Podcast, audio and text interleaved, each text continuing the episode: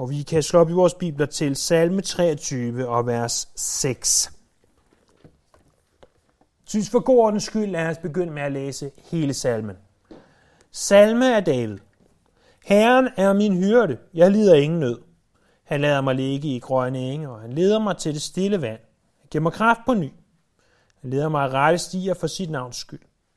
Selvom jeg går i mørkets dal, så frygter jeg intet ondt, for du er hos mig. Din stok og din stav er min trøst. Du dækker bord for mig for øjnene af mine fjender. Du salver mit hoved med olie. Mit bære er fyldt til overflod. Godhed og troskab følger mig, så længe jeg lever, og jeg skal bo i Herrens hus alle mine dage. Igennem den her vidunderlige salme, så har vi set på, hvad det vil sige at have Herren til hyrde. Den, der har Herren til hyrde, er noget helt specielt. Øh, han er et af de får, som Herren vogter. I Antiochia gav man dem et specielt navn. Man kaldte dem for kristne. I vers 6, der ser vi sådan set noget, der karakteriserer den kristne. Vi ser den kristnes karakter. Det, som vi ser her, er for det første sande, naturlige og livslange karaktertræk. Sande, naturlige og livslange karaktertræk, det er det første. Det er sandt, det her. Den hebraiske tekst begynder med et lille ord, man har valgt ikke at oversætte i den danske bibel. Øh, ordbogsdefinitionen af det ord er alene og sandelig. Øh, det kan også være men. Øh, samtidig så har det en bred vifte af betydninger. Og oversættelsen af det her ord bør afhænge af konteksten. Når vi studerer tidligere øh, danske oversættelser, så ser vi, hvordan man har forsøgt at oversætte ordet tidligere. I 1931 der oversatte man det med kun. I 1871 der oversatte man det med i kun. Altså i k k u n. Et ord, som betyder ene og alene. I 1770, det er ganske mange år siden, øh, der oversatte man, man det med visselien. Ikke et ord, vi bruger voldsomt ofte længere, så jeg må slå det op, og det betyder noget i retning af, at det kan du stole på.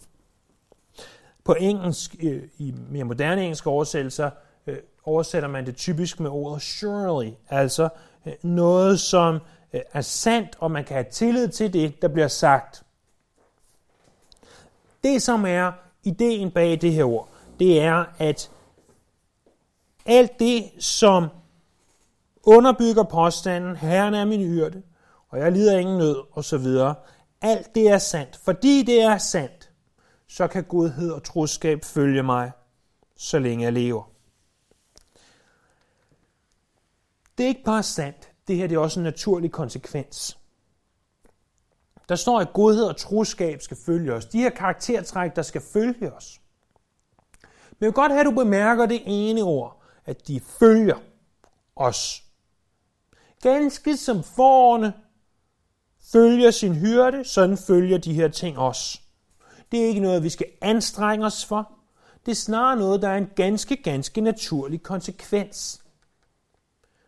Det er jo sådan, at mine forældre de har den her hytte i Sverige, hvor vi har kommet de sidste mange, mange år. Og i sidste weekend havde mine forældre Cornelia med derop. Og der er en ting, der altid følger en, når man har været i hytten. Det er, det er duften af os eller røg for en brændeovn. Øh, det er en ganske naturlig ting, at når du har været i den her hytte i Sverige, hvor der hverken er strøm eller indlagt vand eller andet, hvor den eneste sådan rigtig varmekilde, øh, i hvert fald ifølge min far, det er at putte brænde i en ovn, øh, og helst også kløve det først, øh, så vil den her røg hænge ved dig, og alt, hvad Cornelia havde med hjem, selv tasken, hun havde haft med, lugtede af hytten.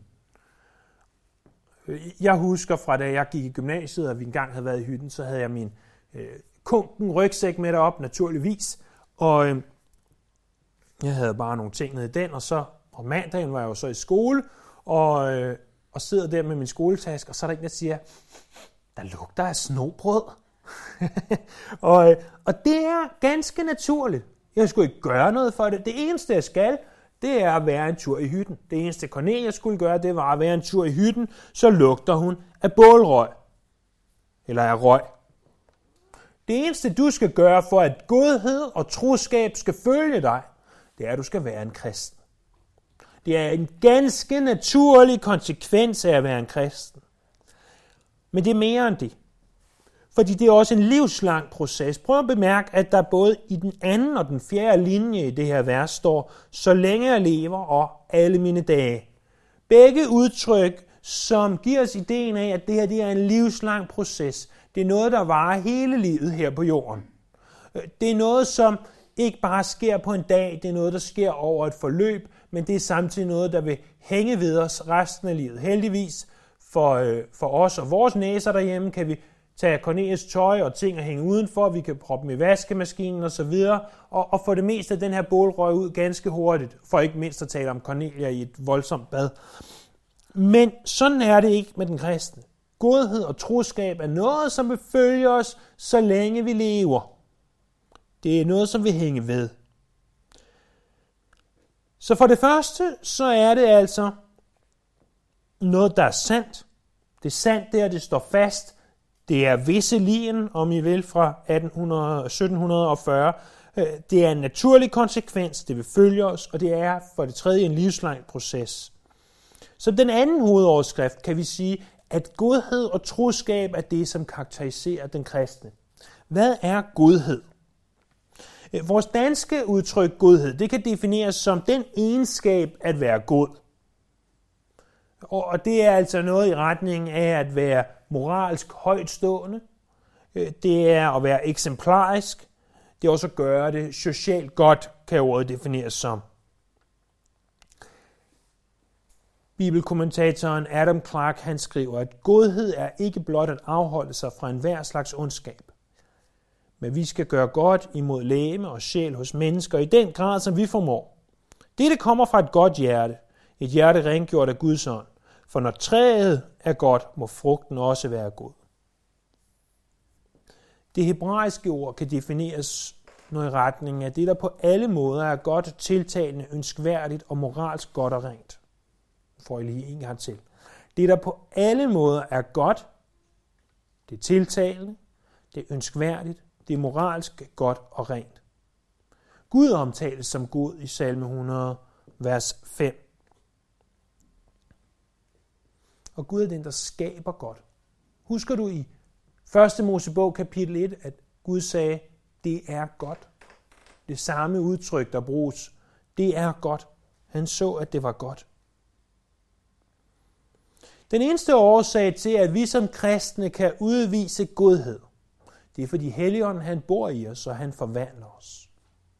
Øh, den kristne vil således leve et godt liv.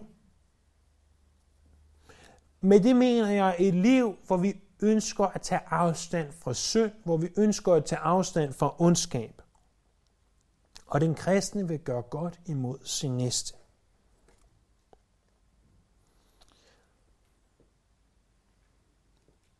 Der er en anden ting, som karakteriserer den kristne, det er troskab. Det danske ord, det kan defineres som at være tro mod nogen, altså det modsatte af utroskab. Men det hebraiske ord chesed, det er et ganske dybt ord. Vi gennemgik chesed i 2 Samuel kapitel 9. I, i sådan en dybde, at jeg endte med at give øh, prædikenen titlen chesed. Så gå tilbage og lyt til den for at få en nærmere definition. Men vi gav det en, en definition af, øh, i hvert fald en, en sammentrukken definition af hengiven kærlighed. Og det er måden, hvorpå Gud han interagerer med os. Det er med chesed, med hengiven kærlighed. Paulus han skrev, for hele loven er opfyldt i det ene ord. Du skal elske din næste som dig selv. Det, som loven kræver, når vi begynder at efterleve lov, så elsker vi andre. Vil vi stjæle, lyve eller begå ægteskabsbrud, imod en, vi virkelig, virkelig elsker. Den her hengivende kærlighed, eller chesed, Det vil også være det, der karakteriserer den kristne. Jesus han siger, et nyt bud giver jer. I skal elske hinanden, som jeg har elsket jer. Sådan skal I også elske hinanden.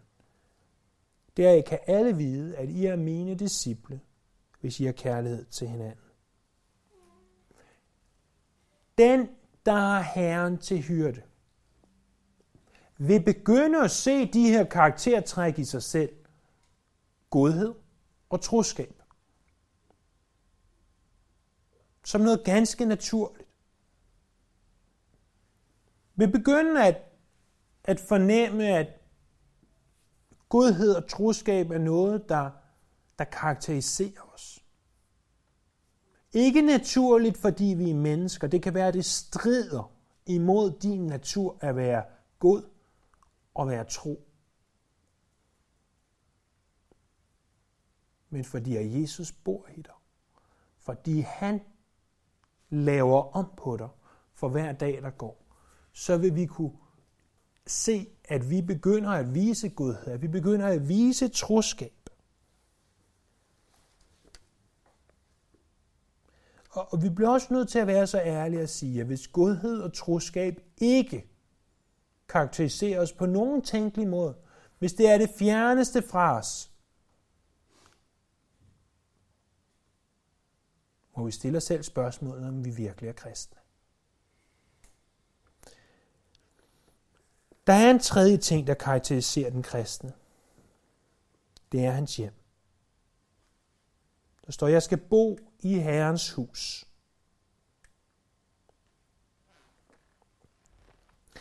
Vi, vi ser en slags parallel i måden, hvorpå forerne blev behandlet. Fordi når forerne havde været på det her bord, kan I huske, vi talte om bordet sidste søndag, det her græsområde oppe i bjergene, når de har været der, så bliver de ledt ned tilbage til der, hvor hyrden bor. Så får de lov til at være i hyrdens hus hen over vinteren. Og det var typisk en slags klippehule, der var et, et stengær rundt om. Det var der, hvor forne var i, i forbindelse med hyrdens hus. Når David taler om Herrens hus, hvad er det så, han taler om? Det kan ikke være templet, for templet var endnu ikke bygget på Davids tid.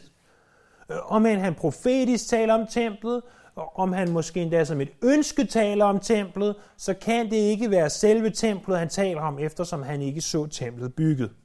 Snarere taler han om tabernaklet, det her telt, som man havde haft med rundt i ørkenen, og som stadigvæk eksisterede på hans tid. Tabernaklet var selv sagt noget specielt, fordi at der var jo alle de her og det var, ja, det var, det var, da, det var da helt klart noget specielt med det skin, der blev brugt og så videre. Men kan vi blive enige om, at med alt som tabernaklet var, så var det stadigvæk i sig selv blot et telt.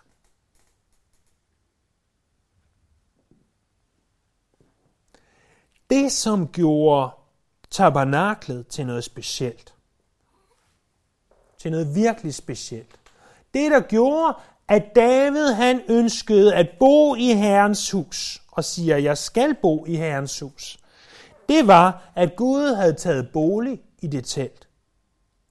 I 2. Mosebog kapitel 40, vers 34 og 35 læser vi, at skyen dækkede åbenbaringsteltet, og Herrens herlighed fyldte boligen, og Moses kunne ikke gå ind i åbenbaringsteltet, fordi skyen havde lagt sig over det, og Herrens herlighed fyldte boligen. Prøv en gang at bladre en side til salme 27 og vers 4.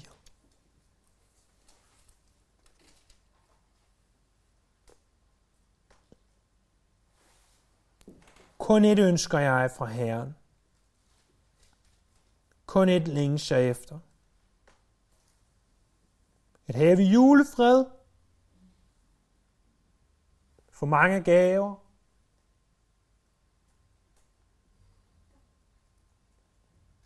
Og snart står der at bo i Herrens hus, så længe jeg lever, så jeg kan fryde mig over Herrens herlighed og søge svar fra ham i hans tempel. Prøv at se 26.8. Herre, jeg elsker dit hus. Det sted, hvor din herlighed bor. Og så 84.11.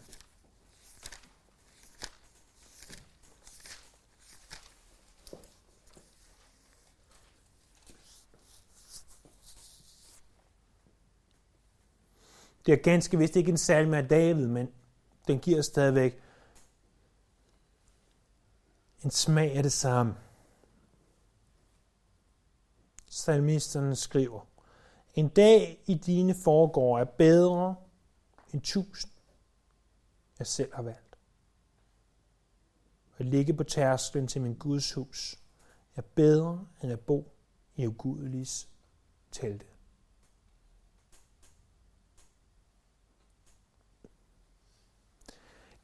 David siger, jeg ønsker, og jeg skal bo. Jeg, som er Herren til hyrde, jeg skal bo i Herrens hus. Det er Herrens hus, fordi Herren er der. Undskyld, hvis det virker for basalt. Men Herren er der. Det er derfor, det er Herrens hus. Det er derfor, der er fantastisk at være der.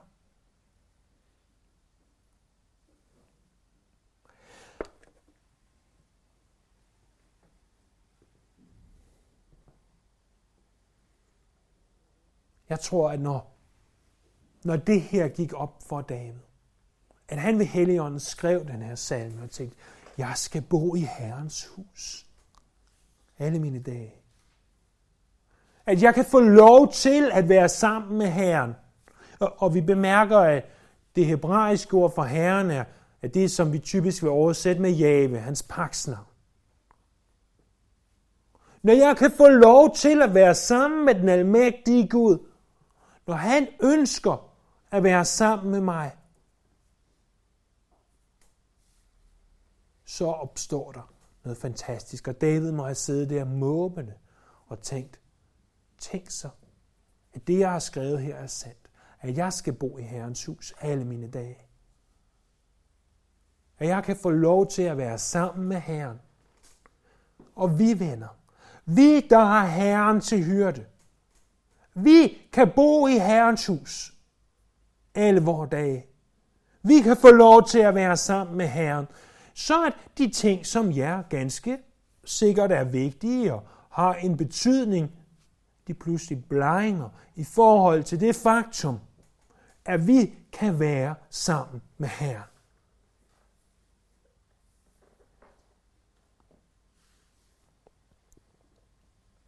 Fordi den der har Herren til hyrde. Han opholder sig tæt på hyrden. Den, der har Herren til hyrde, ønsker at bo i hans hus. Han ønsker at være sammen med hyrden. Og det er den kristne. En, som godhed og troskab følger, og en, som ønsker at bo i Herrens hus. Alle mine dage. Og spørgsmålet til os er det os. Vi tager det for så givet, at det er os. Men vi må altid stille os selv spørgsmålet, er det os? Og når vi indser, at det er os, så føles vi af en, af en taknemmelighed. Af en, af en glæde, af en overvældethed at Gud han elsker os. At vi har en advokat hos faderen. At vi har en, som vil stå der sammen med os. I går var vi jo som bekendt til julefrokost her. Og en del af julefrokosten var den her underholdning, som René stod for. Og det var, at man to og to skulle konkurrere i forskellige dyster. Og den sidste dyst blev det så øh, Cornelia, der blev hævet op. Jeg tvivler på, at Cornelia selv havde gået derop. Men hun skulle dyste imod mig i at tegne en elefant. Sådan helt ærligt, så lod vi hende nok rimelig meget vinde. Men hvilket billede på, at vi som, som den kristne får lov til at stå der ved siden af en, som vi stoler på. Ved siden af en, som vi ved, at han er der for mig. Ved siden af en, som vi ved, at ham her, han vil forsvare mig over for den dom, som jeg egentlig fortjener. Det der, det ligner ikke en elefant, Cornelia, det ligner en krusedule. Hvad gjorde jeg? Jeg nødnede en elefant kom marcherende. Øh, sådan er vi som forældre. Men endnu mere, sådan er vores Gud. Sådan er vores sjæles hyrde. En hyrde, som er værd at give sit liv til. Lad os bede sammen. Herre, vi overvældes. Vi overvældes, når vi begynder at se, at du er vores advokat. Du er den, som træder i stedet for os. Du er vores hyrde. Du er den, som er værd at holde sig tæt til. Og Herre, jeg ønsker at proklamere, at jeg vil bo i dit hus. Det er der, jeg vil være sammen med dig. Sammen med dig, med mit blik på dig. Lad alt andet blegne, Herre, i forhold til det at kende dig. Oh, vi tilbeder dig, Jesus. Vi lover dig, og vi ærer dit navn. Vi ophøjer dig, for du er den eneste, der er det værd.